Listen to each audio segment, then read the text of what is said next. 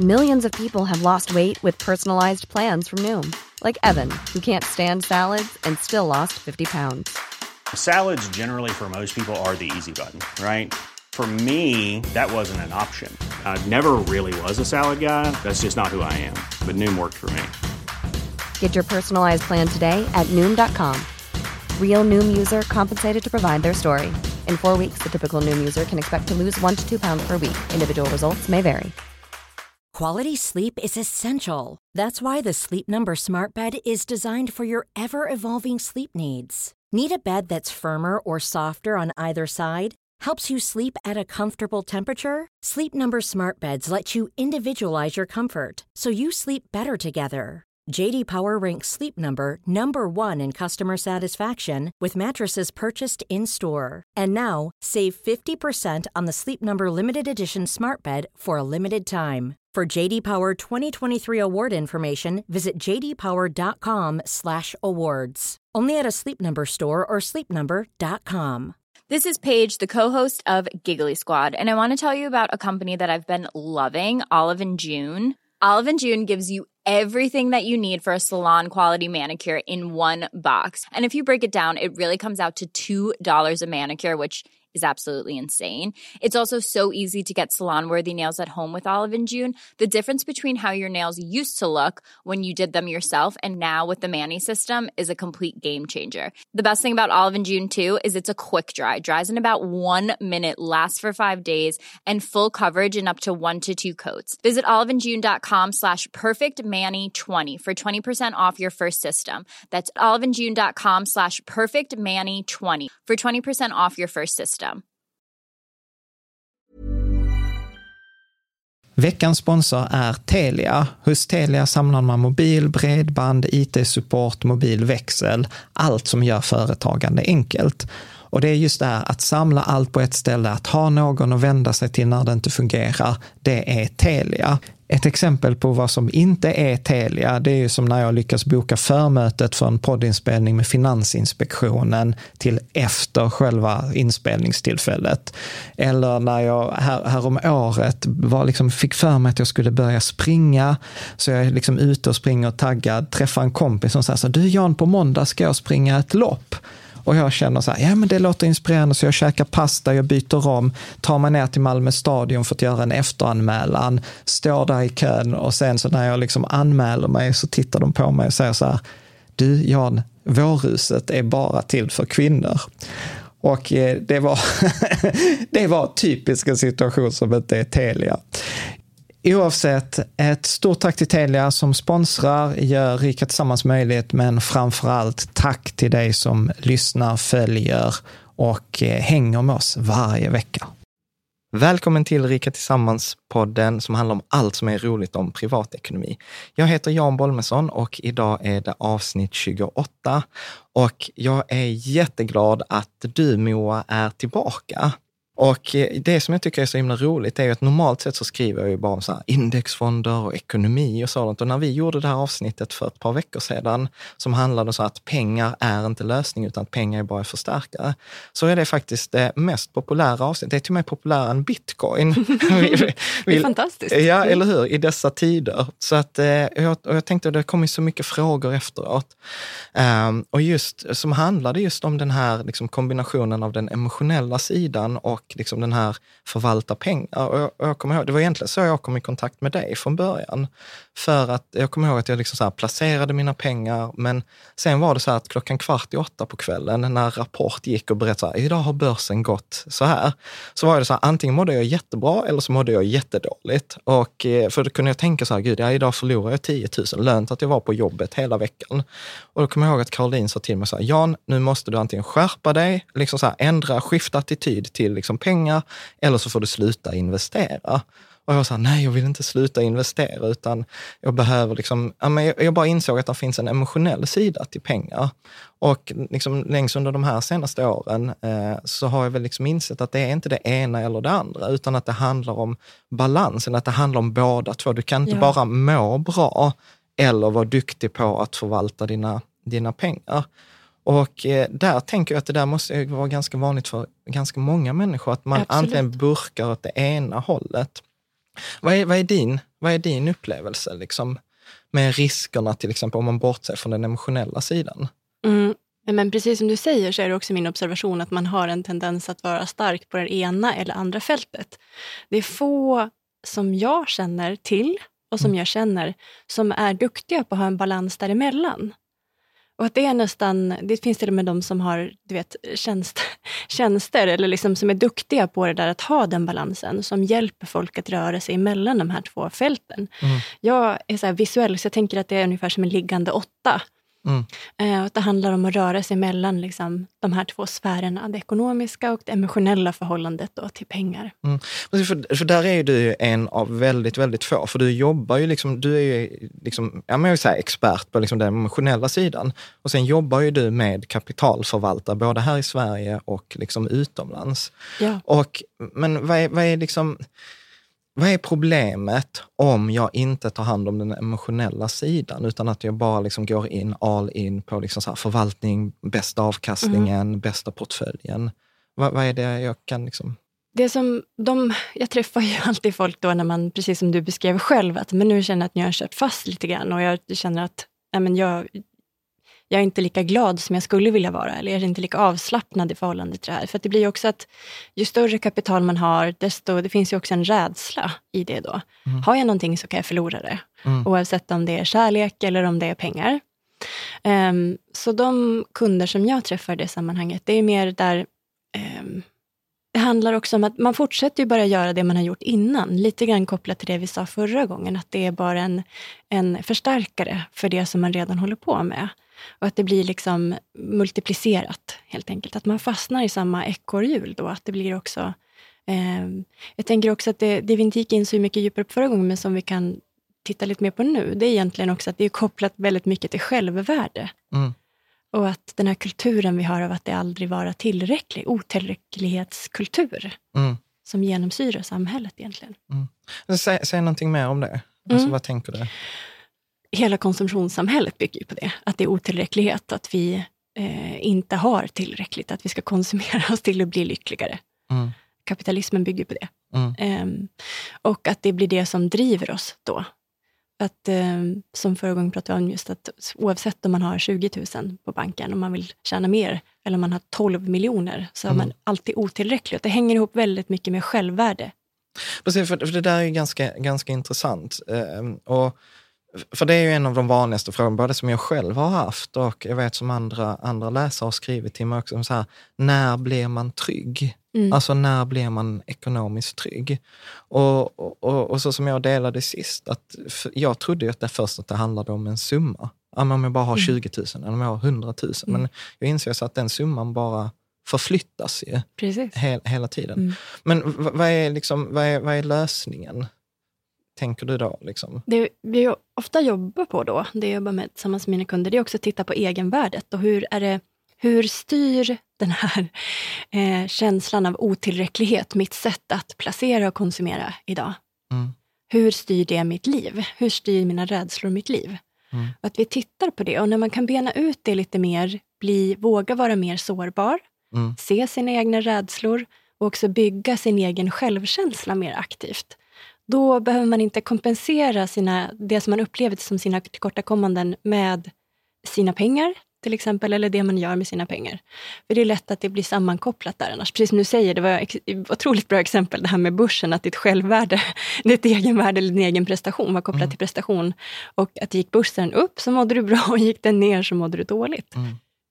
Men det där är, det där är ju så, så himla svårt, för, för det där är ju det du och jag har pratat mm. om i så många coachsamtal. Och för, för mig, alltså så här insikt, alltså detta är så här för mig, en grej jag fattar rationellt och en grej jag liksom så inte fattar känslomässigt. Mm.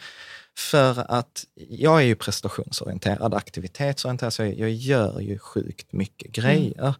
Och min, du, du får gärna fylla i här eh, Moa, men att jag, jag tänker ju så här, jag är osäker på mig själv i det där. Och så tänker jag till exempel, om jag tar Caroline som exempel, ja men jag fattar inte riktigt varför Caroline älskar mig. Och så kan jag liksom säga i mina stunder bara, gud men hon tycker nog om mig för att ja, men jag är åtminstone duktig på att tjäna pengar eller jag har åtminstone mm. en bra karriär.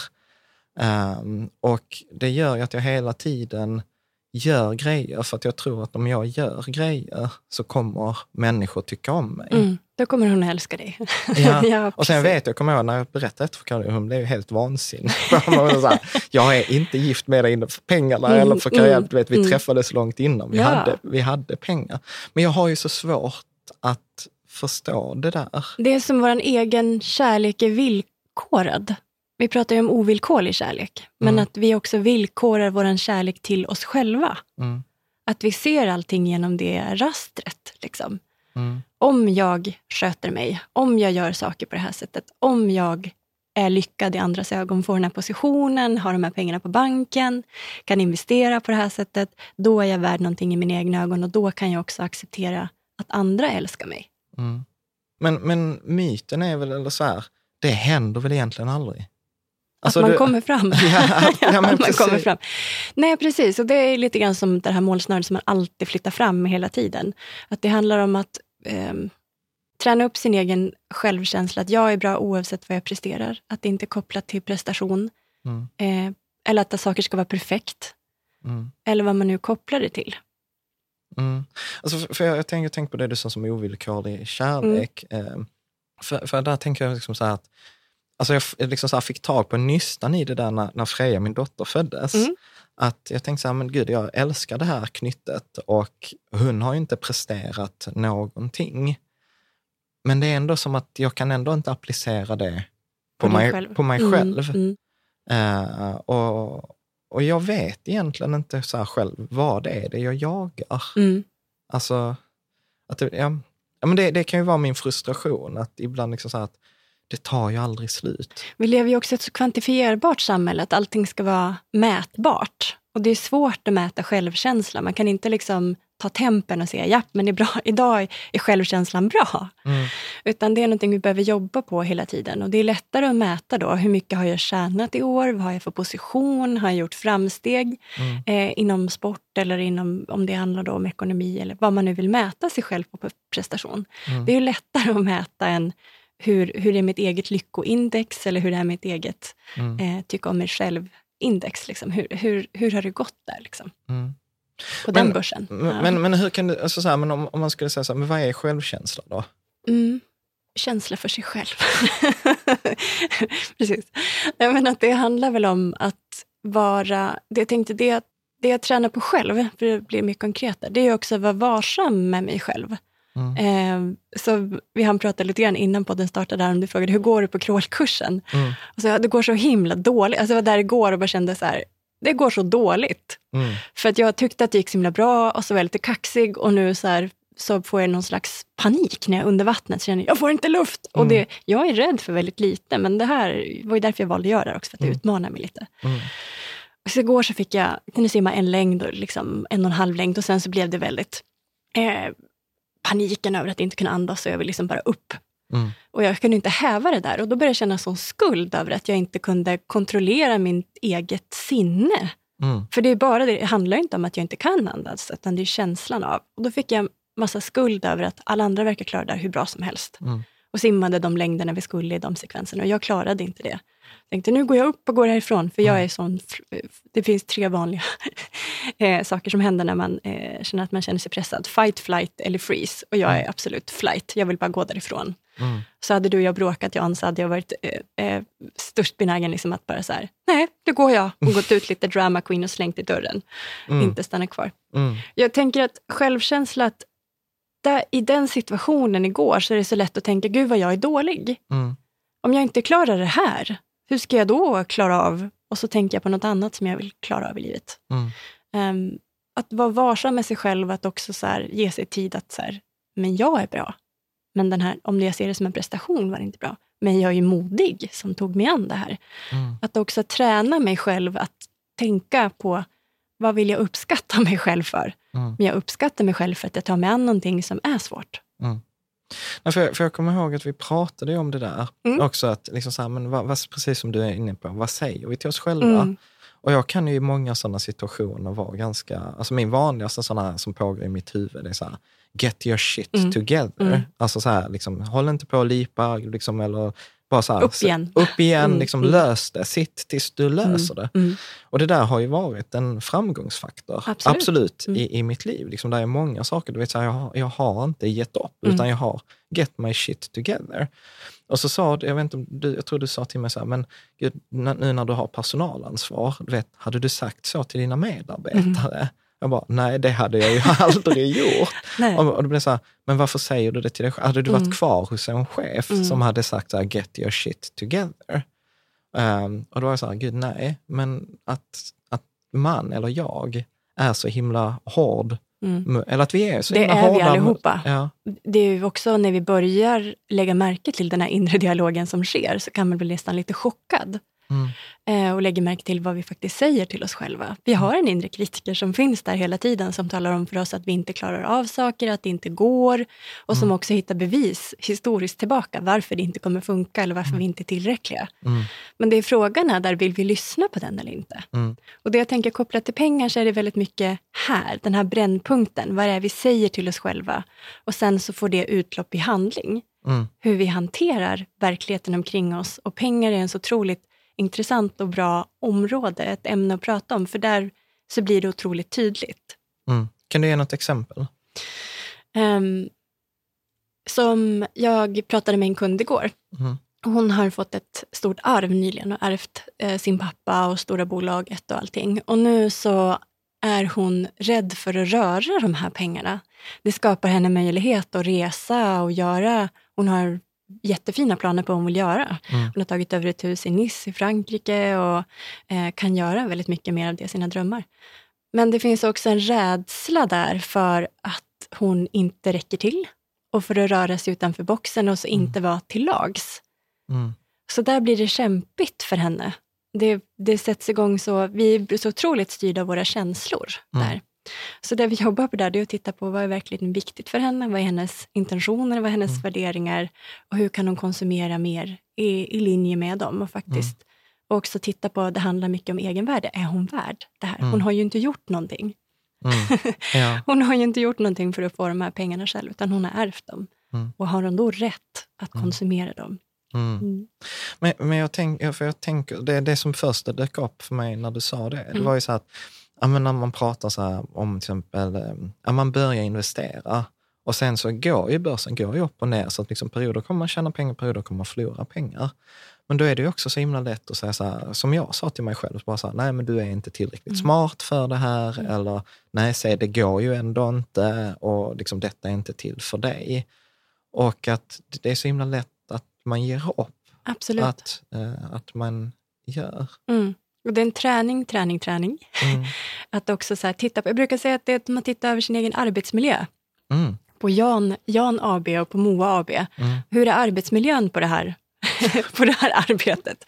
Och har man då en chef som står och skriker så här, liksom så här, du är ju totalt värdelös, vad tänkte du egentligen när du gav dig in i det här projektet? Ja. Du har ju du har inte ens doktorerat inom, så här låter Ja. det i mitt huvud. Då. Ja.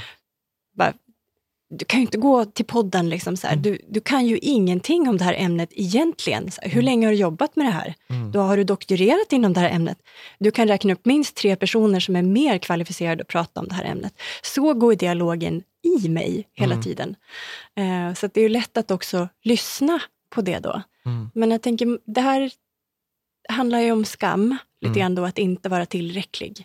Som en, det är en av de vanligaste övergripande sakerna. Jo, så, så, så Mm. är det ju definitivt för mig. Att jag, jag ja, men så här, är jag värd det? Mm. Eller att ja, men jag är inte tillräckligt framgångsrik. Eller, du vet, och särskilt blir det när jag, jag har ju jag har ju nära vänner som är yngre än mig Mm. och har liksom jättestora förmögenheter. Mm. Några har ärvt, några har liksom byggt upp det själva. Och så tänker jag så här, ja men fan, han är ju 28 och har gjort allt det där. Mm. Liksom, du vet, det är ju knappt att jag vågar ringa dem Ja. i, ibland. Mm. Mm. Eh, Så att, eh, mm, alltså det är ju himla klurigt. Men jag tänker att det där med skam, för Mm. det, det, det har ju vi också pratat om en del. Och jag kan ju tycka det är spännande, för jag kommer ihåg min spontana tanke när du sa så, ja det handlar om skam, så var jag så här, ja men det berör inte mig. Ja, har, tänkte säga, jag har ingen skam i kroppen. skam. i kroppen. Men, och sen, men sen så, jag, vet inte ens var jag ska börja, men jag liksom inser att det var inte skam lite så här, rädslan att inte få vara med eller rädslan att inte duga till? Eller? Mm, precis, att skam är ju allt det där, vi, den, den inre kritiken helt enkelt som finns där. Eh, och som hela tiden talar om för oss vad som inte är möjligt, vad vi inte räcker till eller klarar av, att det inte är perfekt. Och här har, det är ju kopplat också till det här apchatter som jag pratat om tidigare, att det är ju väldigt eh, sneaky, liksom. för det formulerar sig på det sättet som, som håller oss tystast, Mm. som tystar oss och som hindrar oss också från att göra det som faktiskt kanske är vår storhet.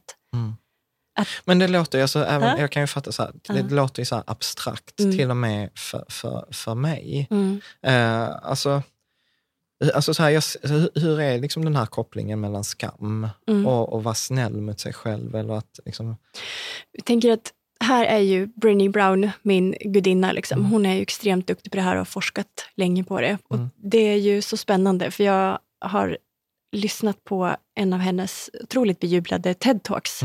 Men Ni som lyssnar, har ni inte gjort det, så gör jättegärna det. Kolla på TED-talk och sök på Brené Brown. Otroligt bra. Ehm, och jag tänker, hen, det hon har kommit fram till i sin forskning, hon började forska på skam just, att hon ser att antidote, eller bot, motgiftet egentligen då, mot skuld och skam, är ju att leva ett fullhjärtat liv, att våga vara sårbar. Mm. Att våga sätta sig i situationer där man kanske inte vet allting, kan allting. Inte att, precis, att, att ge upp, eh, för jag kollade Mm. faktiskt på det i morse, Mm. att det handlar om liksom så här, ge upp kontrollen. Ja. Att, att sluta försöka förutse, sluta, så att liksom hon säger så här, men, att vara den som säger jag älskar dig först, Mm. eller att våga göra saker utan att veta om det kommer att, att fungera. Ja, Liksom. och jag menar att det här, det är därför jag tycker det är så viktigt att känna till sina livsintentioner, värderingar och eh, sina grundläggande egenskaper, vad som talar igenom en.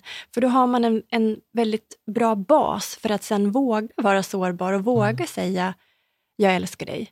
Mm. För att man också vet att man säger det utifrån sin grund, vad som Mm. är sant om en själv. Mm. Eh, oavsett om man får ett jag älskar dig tillbaka, Mm. eller om man ja, eller säger jag vill ha befordran, jag vill ha den här tjänsten. Att även om man får ett nej så vet jag att jag har försökt och att det var i linje med vad som är viktigt för mig. Ja, men lite Mm. som du sa innan, alltså att ja, men jag var modig Ja. på den här liksom, Ja. crawlkursen. Mm.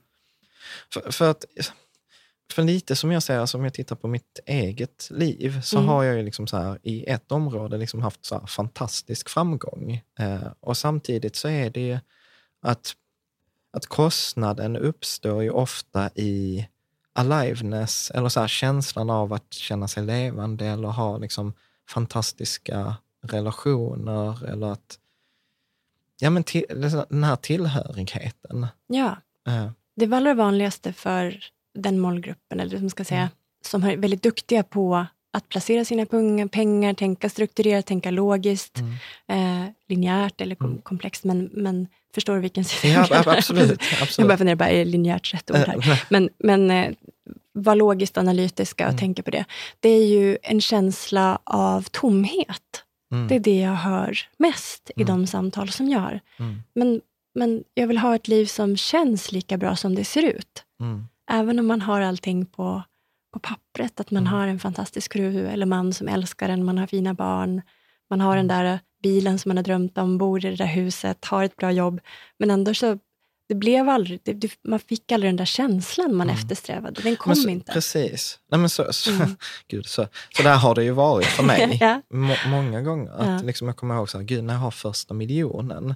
Och sen börjar man säga, men gud, okej, nu har jag första miljonen. Nu är sporten så här, kan jag tjäna en miljon på ett år? Mm. Och så gör man, tjänar man en miljon på ett år. Och sen plötsligt bara så här, jaha. ja, precis. Och sen, och sen, och sen så blir det så här, börjar man hitta på nya mål. Mm. Liksom så här, okej, men ska jag se om jag tjänar en miljon dollar Mm. och, Mm. på ett Mm. år. Och sen inser jag så att det, för det målet har jag inte nått. Mm. Eh, men så inser jag så att högst sannolikt så Mm. kommer ju det vara precis samma Ja. sak. Ja. Den här lite upplevelsen av tomhet. Och jag, jag kan väl liksom, även alltså, alltså, när man läser om miljardärer eller många människor som har mycket pengar, jag känner ju ändå en hel del människor, så kan jag uppleva att de har aldrig riktigt tagit tag i den här emotionella Mm. sidan. Och de pratar mycket om det där med, ja men de är inte så himla lyckliga. Mm. Jag tänkte så här, är inte Robin Williams också ett sånt här eh, exempel? Liksom Mm. att extremt framgångsrik liksom på alla sätt och vis och sen tar han livet av sig. Mm. Och då, då tänker jag så här, gud, där är, där är någonting annat Mm. som man nog också behöver eh, kasta ljus på. Vi kan säga att det är egenvärdet som är grunden. Har man och skapar, kan skapa sig själv eller hela tiden fylla på liksom sitt egenvärde så är det en väldigt god grund Mm. Eh, till liksom hälsa, samhörighet, Mm. eh, mycket av det som de allra flesta längtar efter i livet. Och att också omge sig med personer som kommer ihåg vem man är när man själv tvivlar på att man är värd att älska eller att man är tillräcklig. Mm. Så både att ge det till sig själv men att också omge sig med andra som kan ge det till en eller påminna en om att man faktiskt är älskvärd och tillräcklig. Mm. Men jag kom på en, en intressant sak där som har varit väldigt mycket utmaningen för mig själv och som jag ser en lite smärtsam insikt för många av dem som jag pratar med. Ehm, det är just det här logiska planen för hur jag ska driva mitt liv och vad ska jag tjäna härnäst och vad ska jag göra härnäst.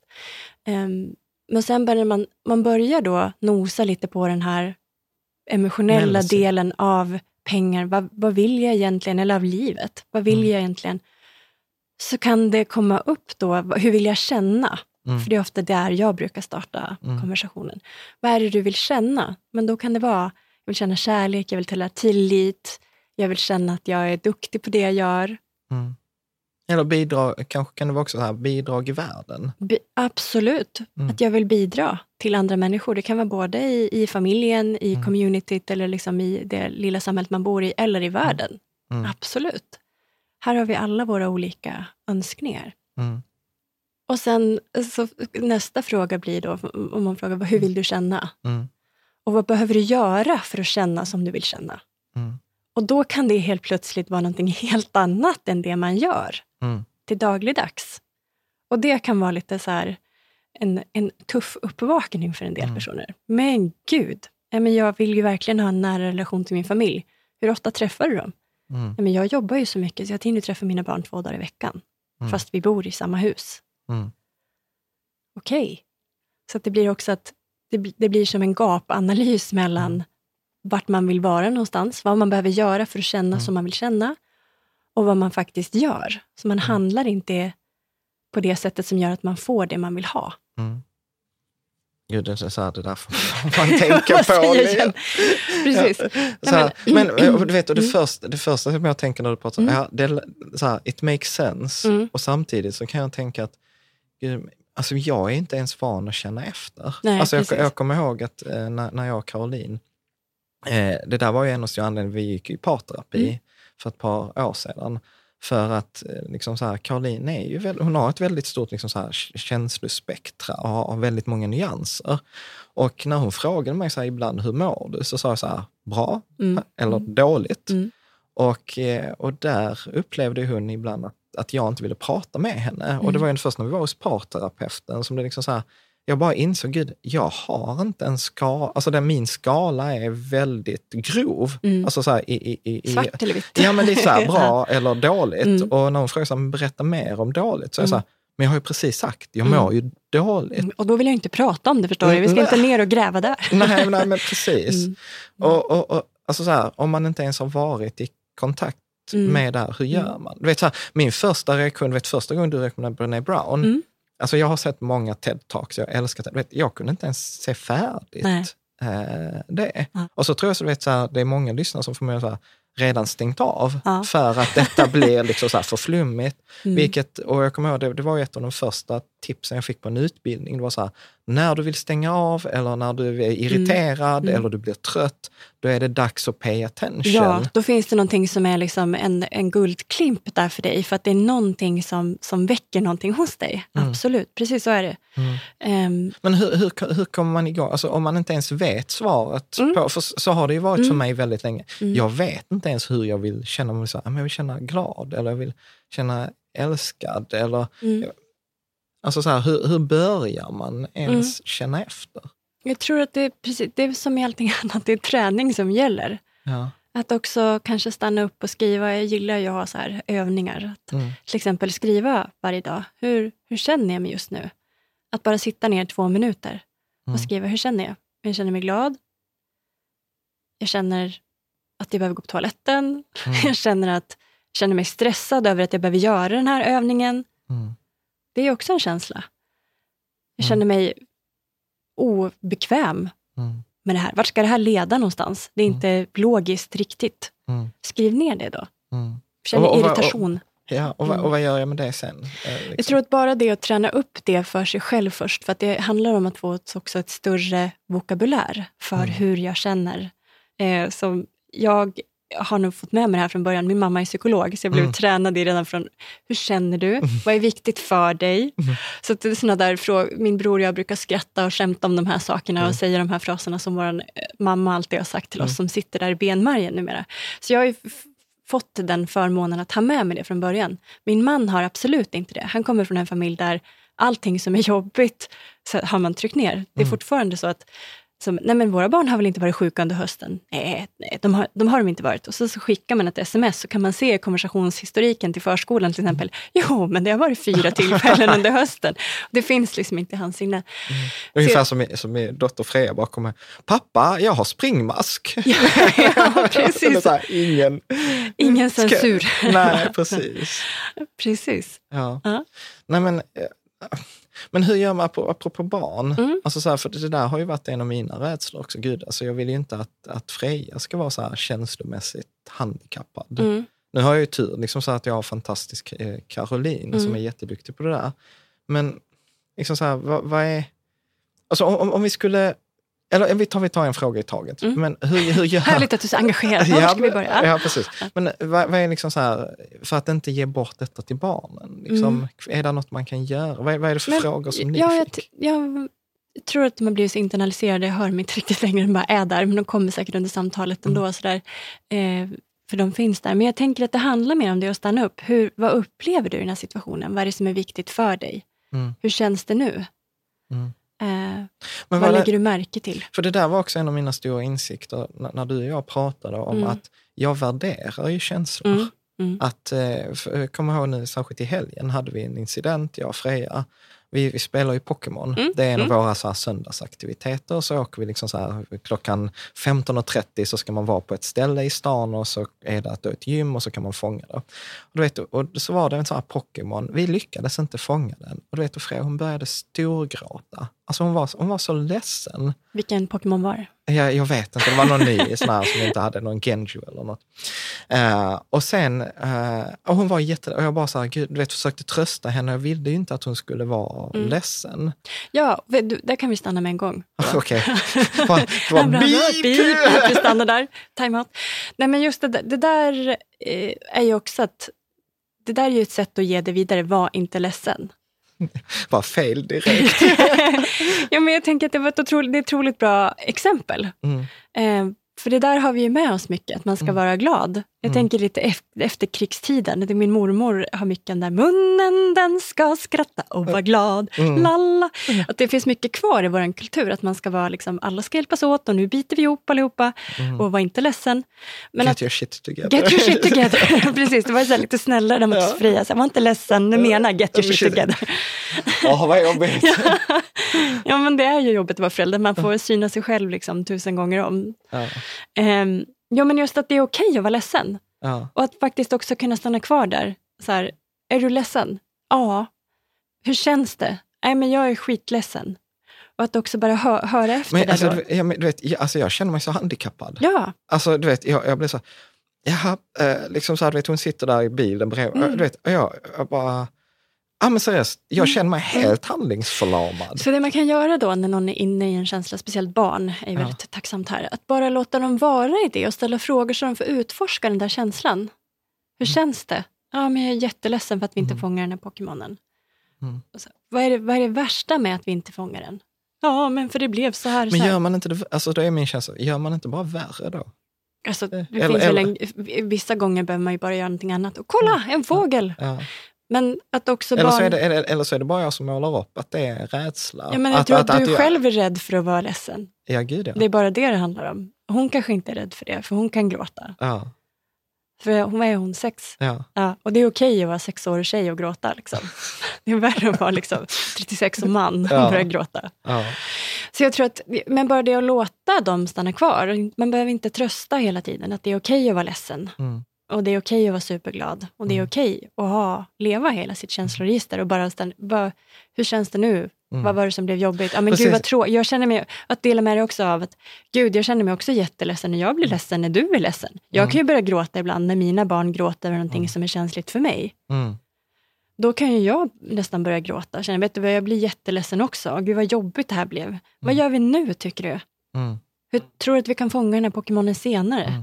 Precis, för, för det var det som blev så himla kontrast. Du Mm. vet, för att först misslyckades vi med det och sen så fick vi, nu blev det så här supertekniskt, men vi fick en sån här X-rayed pass, och det så här, man fick gå liksom så här VIP-inbjudan till en Ja. spe- superspeciell Pokémon Mewtwo.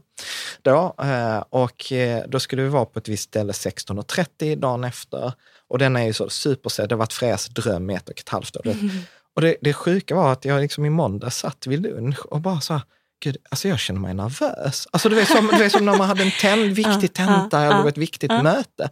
Jag bara, Gud, vad är det som jag är nervös? Jag bara, Gud, jo, det är för att vi ska åka och fånga den där Ja, Pokémon. ja. Så jag åkte ut och började liksom, skulle träna och bara, så här, bara insåg, Gud vad håller jag på med? Och sen så åker vi dit och Carro är också med Mm. och, och, liksom, och så ska vi försöka och jag misslyckas och bara, gud, du vet, nu kommer hon bli skitledsen. Mm. Men sen, sen ha, har jag ändå så här, jag har inte så mycket prestige, Mm. så jag bara frågade en annan kille bredvid som verkade veta vad han gör. Så bara, kan du inte hjälpa Mm. oss? Ja, och så hjälpte han oss och så fångade han den här. Du vet. Mm. Och, du vet, och Freja, du vet, om hon var så ledsen dagen innan, så blev hon så glad. Du vet, så här, hon bara kramade den här främmande och bara, bara tack, det är den bästa dagen i mitt liv. Ja, Liksom. ja. Och jag bara så här, gud, alltså så här, vilket, vilket så här, Känsloregister liksom. Ja, men Mm. eller hur? Och jag själv var så här, ja, men detta var ju bra. Vad trevligt. Tummen upp. Ja. Men jag tror att eh, just det där man tittar på känsloaspekten av det, att vi, vi lär oss som vuxna behöver vi också utöka vårt känsloregister och våga känna mer om, vi, om det är det vi vill. För det är ofta där vi har möjlighet att känna mer i livet. Men, så här, vi men, men, saknar. men så här, måste, så här, dum fråga nu. Måste man känna efter? Eller så här, hur, hur Nej, blir, det är klart att du inte måste, men det är ju din bästa kompass. Jag brukar säga att känslorna är vår GPS. Ja, När du börjar känna att du känner att så här, åh gud, nu liksom, jag känner ofta i magen så här, Mm. och nu börjar jag känna att jag inte kan andas riktigt, eller det börjar kännas lite så här. Då är det ju ofta någonting i mina känslor som säger, men nu är jag på fel plats, eller nu går mina värderingar ifrån det som vi pratar om i det här samtalet, eller nu har jag ingått ett eh, kontrakt med någon att göra någonting som jag känner att egentligen inte är det jag vill. Mm. Det börjar ju alltid med att jag känner någonting. mm, Så att känslan är ungefär som GPSen i bilen. Som säger så här, gör en U-sväng. Mm. Gör en U-sväng. Mm. Och den kommer hålla på att tjata så där. Tillbaka till rötten. Mm. Ända tills vi är tillbaka igen. Och att vi lever i linje med vad som är viktigt för oss. För, för att det är hon, Brené Brown, hon säger också i sitt TED-talk att vi kan inte bara förtrycka en känsla. Nej. Utan att om vi förtrycker en, en känsla så förtrycker vi alla Mm, känslor. Så att, alltså så här, om vi skulle skruva upp volymen, verkligen så så. så och, Säg att jag, hade, att jag inte hade haft Caroline, Mm. att jag inte hade haft dig liksom, som, som verkligen puttar mig i detta om att Mm. känna efter. Va- Vad är liksom så här mardrömsscenariot eh, om man inte känner efter? Nej, men om vi tar GPS-metaforen där igen. Att du hinner köra väldigt långt innan du inser att du är på helt fel rutt. Mm. Att ofta så är det i form av någonting som inte går att ignorera. Mm. Att man blir sjuk, att man blir utbränd till exempel, fast kroppen har ropat att vet du, återhämtning är en bra grej. Mm. Man börjar få lite ont i huvudet och sen kanske man börjar få svimningskänslor. Sen kanske man börjar få... Det, kroppen ökar volymen hela tiden. Mm. Vi är så mycket i våra hjärnor, men kroppen är ju faktiskt en del av vår varelse, tro det eller ej. Det är inte Mm. bara det som jobbar på gymmet. Liksom. Ja. Utan vi är ju, kroppen hjälper oss. ju. Vi, vi är ju liksom en hel organisk varelse. Mm. Så det, det worst case scenario är att man blir sjuk, Mm. att man eh, råkar ut för en olycka eller att det liksom händer någonting i familjen, att man inte tar hand om sina relationer. Så helt plötsligt så säger ens partner så här, vet du vad, jag vill skiljas. Mm. Va? Mm. Och så har man inte haft något känselsprö eller lagt någon energi på. Det där, fast det var jätteviktigt med relationen. Gud, ja. Så ofta Ja, så så- blir det liksom en hårdare och hårdare. Det är det som är Mm. farhågorna. Ja, så, så, så var det ju. Det är så jävla jobbigt. Så, så, var, så var det ju verkligen för Mm. oss. Alltså, för, för du vet, Caroline kom ju till mig så här, "Va, men jag vet inte om vi ska fortsätta vara Mm. gifta. Mm. Och du vet, för mig var det verkligen som så här blixt från klar himmel. Och jag kommer ihåg att eh, men Karo är ändå så här kämpe, så att vi, vi bestämde oss att vi går i parterapi. Och så kommer jag ihåg att vi satt hos den här parterapeuten och så sa han så här, ja men det kommer tre typer av par till mig. Det första typen av par, det är de här som inte som inte kan sluta bråka. Mm. Utan de bråkar liksom även här framför mig och skriker och kastar grejer och det är drama. Eh, och så, ni är inte dem. Jag bara, okej, okay, skönt. sen, eh, sen så här, så, det andra typen av par som kommer, det är ju de som inte pratar med varandra. De har aldrig bråkat. Och mm. när de kommer så är det ofta för sent. Mm. Och ni är inte de heller. Bara, okay. och, sen så här, och det tredje paret som är det vanligaste, det är liksom så här, frustrerad kvinna och oförstående man. Mm. och då var jag så här, men verkligen så här, för, för jag hade liksom inte alls varit så himla perceptiv mm. för Karolins mm. behov. Eller att, att jag drev så himla mycket. För, och det, det, är där det blir så himla ironi också. För jag tänker så här, gud, om jag bara presterar mm. så kommer Caroline tycka om mm. mig. Mm. Medan, liksom, och, och, det är svårt att prata om Caroline när hon inte är här, men hennes grej är bara så här, men jag vill ju ha tid tillsammans. Och så är jag liksom borta och ska prestera massa mm. grejer. Och det här har vi pratat om också så med Gary Chapmans eh, fem kärleksspråk. Mm. Att vi ofta, det är fem stycken sätt som vi känner oss älskade på. Mm. Eh, som är gåvor, tid, tjänster, kommer på tre här. Förmodligen ja, men, mina favoriter. Ja, Ja, men jag, kan, jag, kan ta, jag kan ta exempel, för jag brukar så här komma ihåg det. Så. Mm. För, för just också när, när Karo sa till mig så här, men jag, du älskar inte mig och jag blev helt vansinnigt. Men jag har ju kört dig till Sturup och ja. jag har gjort massa tjänster för dig mm. och jag skickar sms till mm. dig, den här verbal bekräftelse. Uh, och, hon, och sen så bara konstaterar jag, nej men hennes kärleksspråk är ju tid tillsammans och mm. fysisk närhet. Mm. Uh, och sen så det sista är presenter mm. som vi har insett mm. att Freja har. Så att det är roligt för man får alltid det uh, alltså den Tillbaka, andra, ja, precis, partner har ju ofta det kärleksspråket som man själv inte har. Inte har. Mm, mm. Vilket gör ju att det fyller ju liksom inte på. Det är liksom. ofta det liksom blir osynk, osynk mm. där. Att man, man ger kärlek på det språket som mm. man själv har, för att det är där man vill ha eh, kärlek. Precis som att du, du har gett henne tjänster mm. och gjort saker för henne medan hon bara vill ha tid med dig mm. och sitta i soffan mm. hemma medan du känner dig helt passiv. Jag gör ju ingenting. Ja, precis. Ja, men det, det där är också så här, som jag också säger, gud, jag vet inte hur man gör när man hänger. Mm. Mm. Så att, eh, mm, nej, men, men sen tänker jag så här sist, och vi ska börja runda av också, eh, att som om jag tar mig själv som exempel, jag fattade ju inte ens att jag inte fattar. Och jag kan ju ibland se det med folk runt omkring mig att jag tänker, gud, den där personen är så fokuserad på pengar mm. att det är ju inte det som kommer lösa biffen. Mm. Hur, eh, alltså man kan ju inte förändra någon annan än Nej. sig själv. Hur, hur kan man liksom börja, eller hur kan man liksom så här vara ett föredöme om man, ska, mm. om man ser så här, min partner eller någon i min närhet, mm. de är liksom, kör 110 på det där spåret. Mm. Ibland måste man bara låta folk göra det. Man vill ju så gärna rädda folk och hjälpa till och, och jag ser vart du är på väg och du mm. aktar dig för stupet. Så. Um, men ofta så går det inte in hur mycket man än tjatar. Folk måste få göra sina egna erfarenheter, precis som med mm. barn oj, oj, oj, spring inte så fort på rullgruset, du kommer mm. ramla och där ramlar du, aj, mm. och så borstar man av knäna. Och så. så jag tror att dels bara vara medveten och vara kärleksfull när den här personen har ramlat med näsan i gruset, oavsett hur hårt eller mjukt det är, och borsta mm. av och finnas där. Um, men om man vill ett föredöme själv och börja titta också på mer de mjuka aspekterna av pengar um, och titta på vad, vad är värdefullt för mig, vart, bara stanna upp egentligen, köra in på en, en mötesplats, ficka, eller en parkering och, och, bara titta på vart är jag på väg? Mm. Är det dit jag ska? Mm. Att bara köra en check med sig själv helt enkelt. Och att det är så lätt att man blir mentalt driven men också titta på då eh, hur tar det mig dit jag vill emotionellt? Mm. Vad är det jag vill känna? Och vad behöver jag göra för att känna som jag vill känna? Vad är det jag vill känna och vad mm. är det jag behöver göra för att känna det? Mm. Så om jag tar ett exempel mm. från eh, en av mina kunder mm. som vill känna samhörighet eh, med andra människor. Men han jobbar nog kanske, ja, vad är en normal vecka? 40. Mm. Han jobbar i alla fall ja, 65 timmar i veckan. Mm. Och Han vill gärna ha en relation. Det är jätteviktigt för honom. Men han gör ingenting som är i linje. Mm.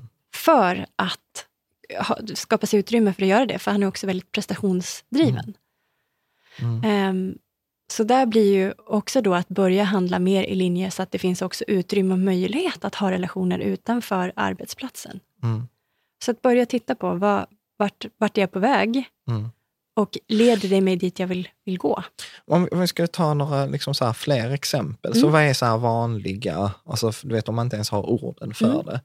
Vad, vad är några så här vanliga saker som man, som man skulle vilja känna? För jag tror det är ofta, om man hör liksom ett par exempel så kan man tänka så att gud, det där vill jag också ha. Mm. Vad skulle du säga så här vanliga som människor svarar? Och jag tänker att vi har ju brukat säga att vi är bara 40 000-åriga djur som vill leva i flock. Liksom.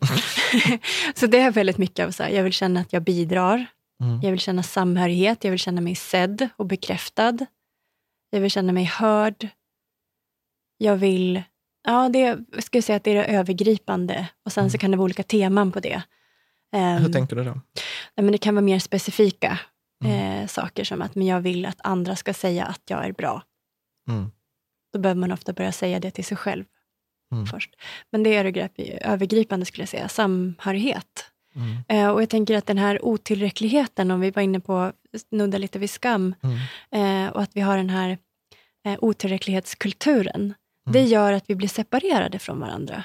För känner vi skam och skuld eh, och, och känner oss otillräckliga, då är vi mindre benägna att söka stöd och kontakt med andra människor eftersom vi skäms. Mm. Det är lite som att visa sig naken. Precis. Mm.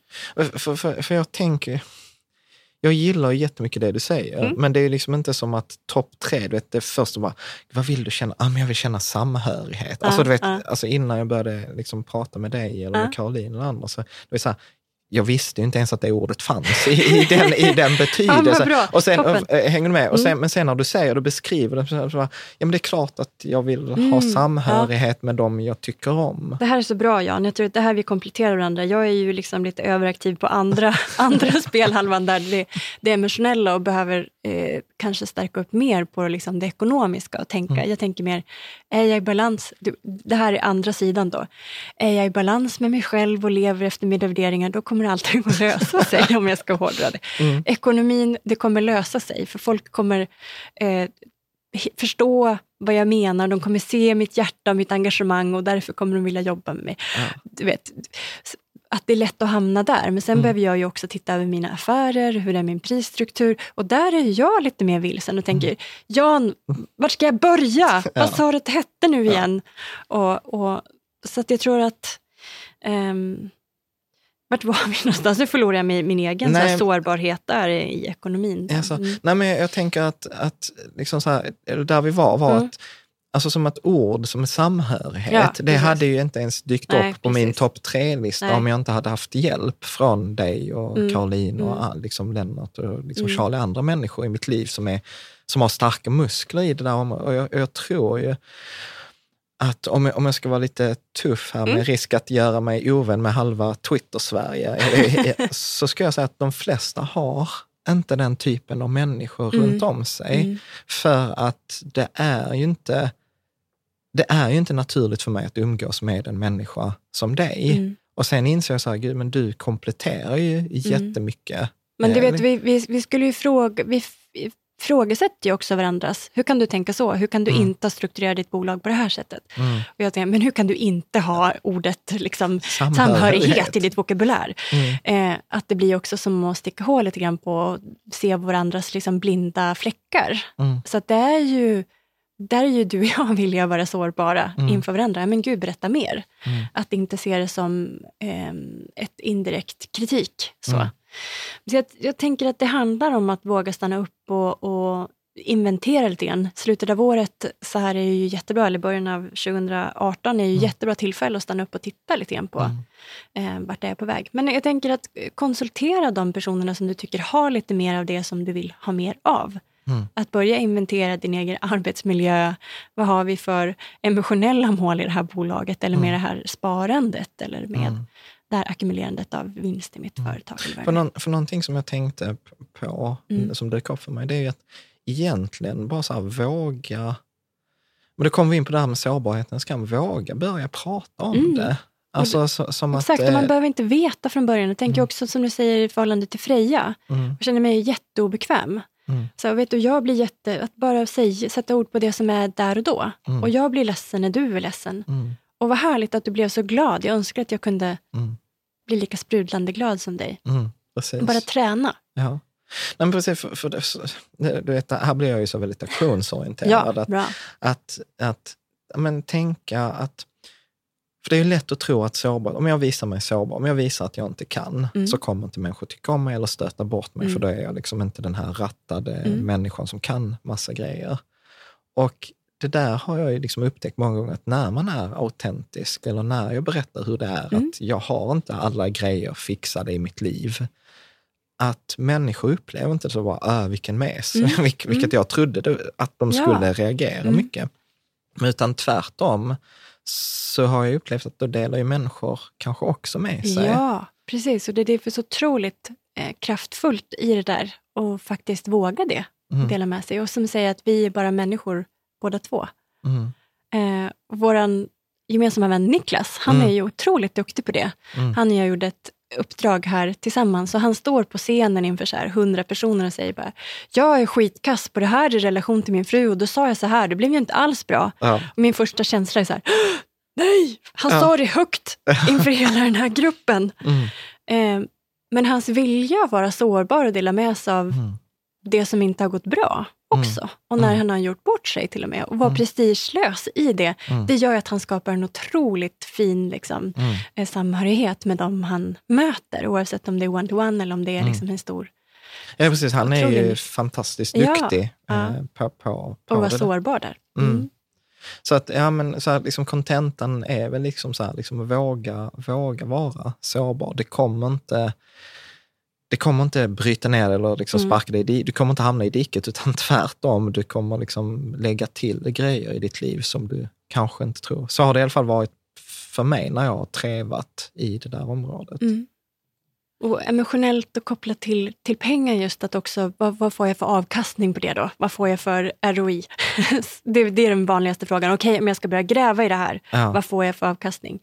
Och det är ju att du kommer öppna dörrar som du inte ens visste fanns. ja, Du kommer hitta människor som du inte ens visste fanns. Du kommer bygga bättre relationer snabbare, ja, skapa eh, tillit och förtroende Mm. tillsammans med andra människor så mycket snabbare. Så du kommer eh, att öppnas upp möjligheter också affärsmässigt eh, mm. på ett sätt som du inte kunde föreställa dig innan. Mm. Precis. För, för, precis, för det där är också min, min reflektion, att många liksom så äldre som Mm. har listat ut det här, de har ju jättestora nätverk och, och liksom, ja, men utnyttjar mycket det i, Mm. i affärer eller, eller liknande.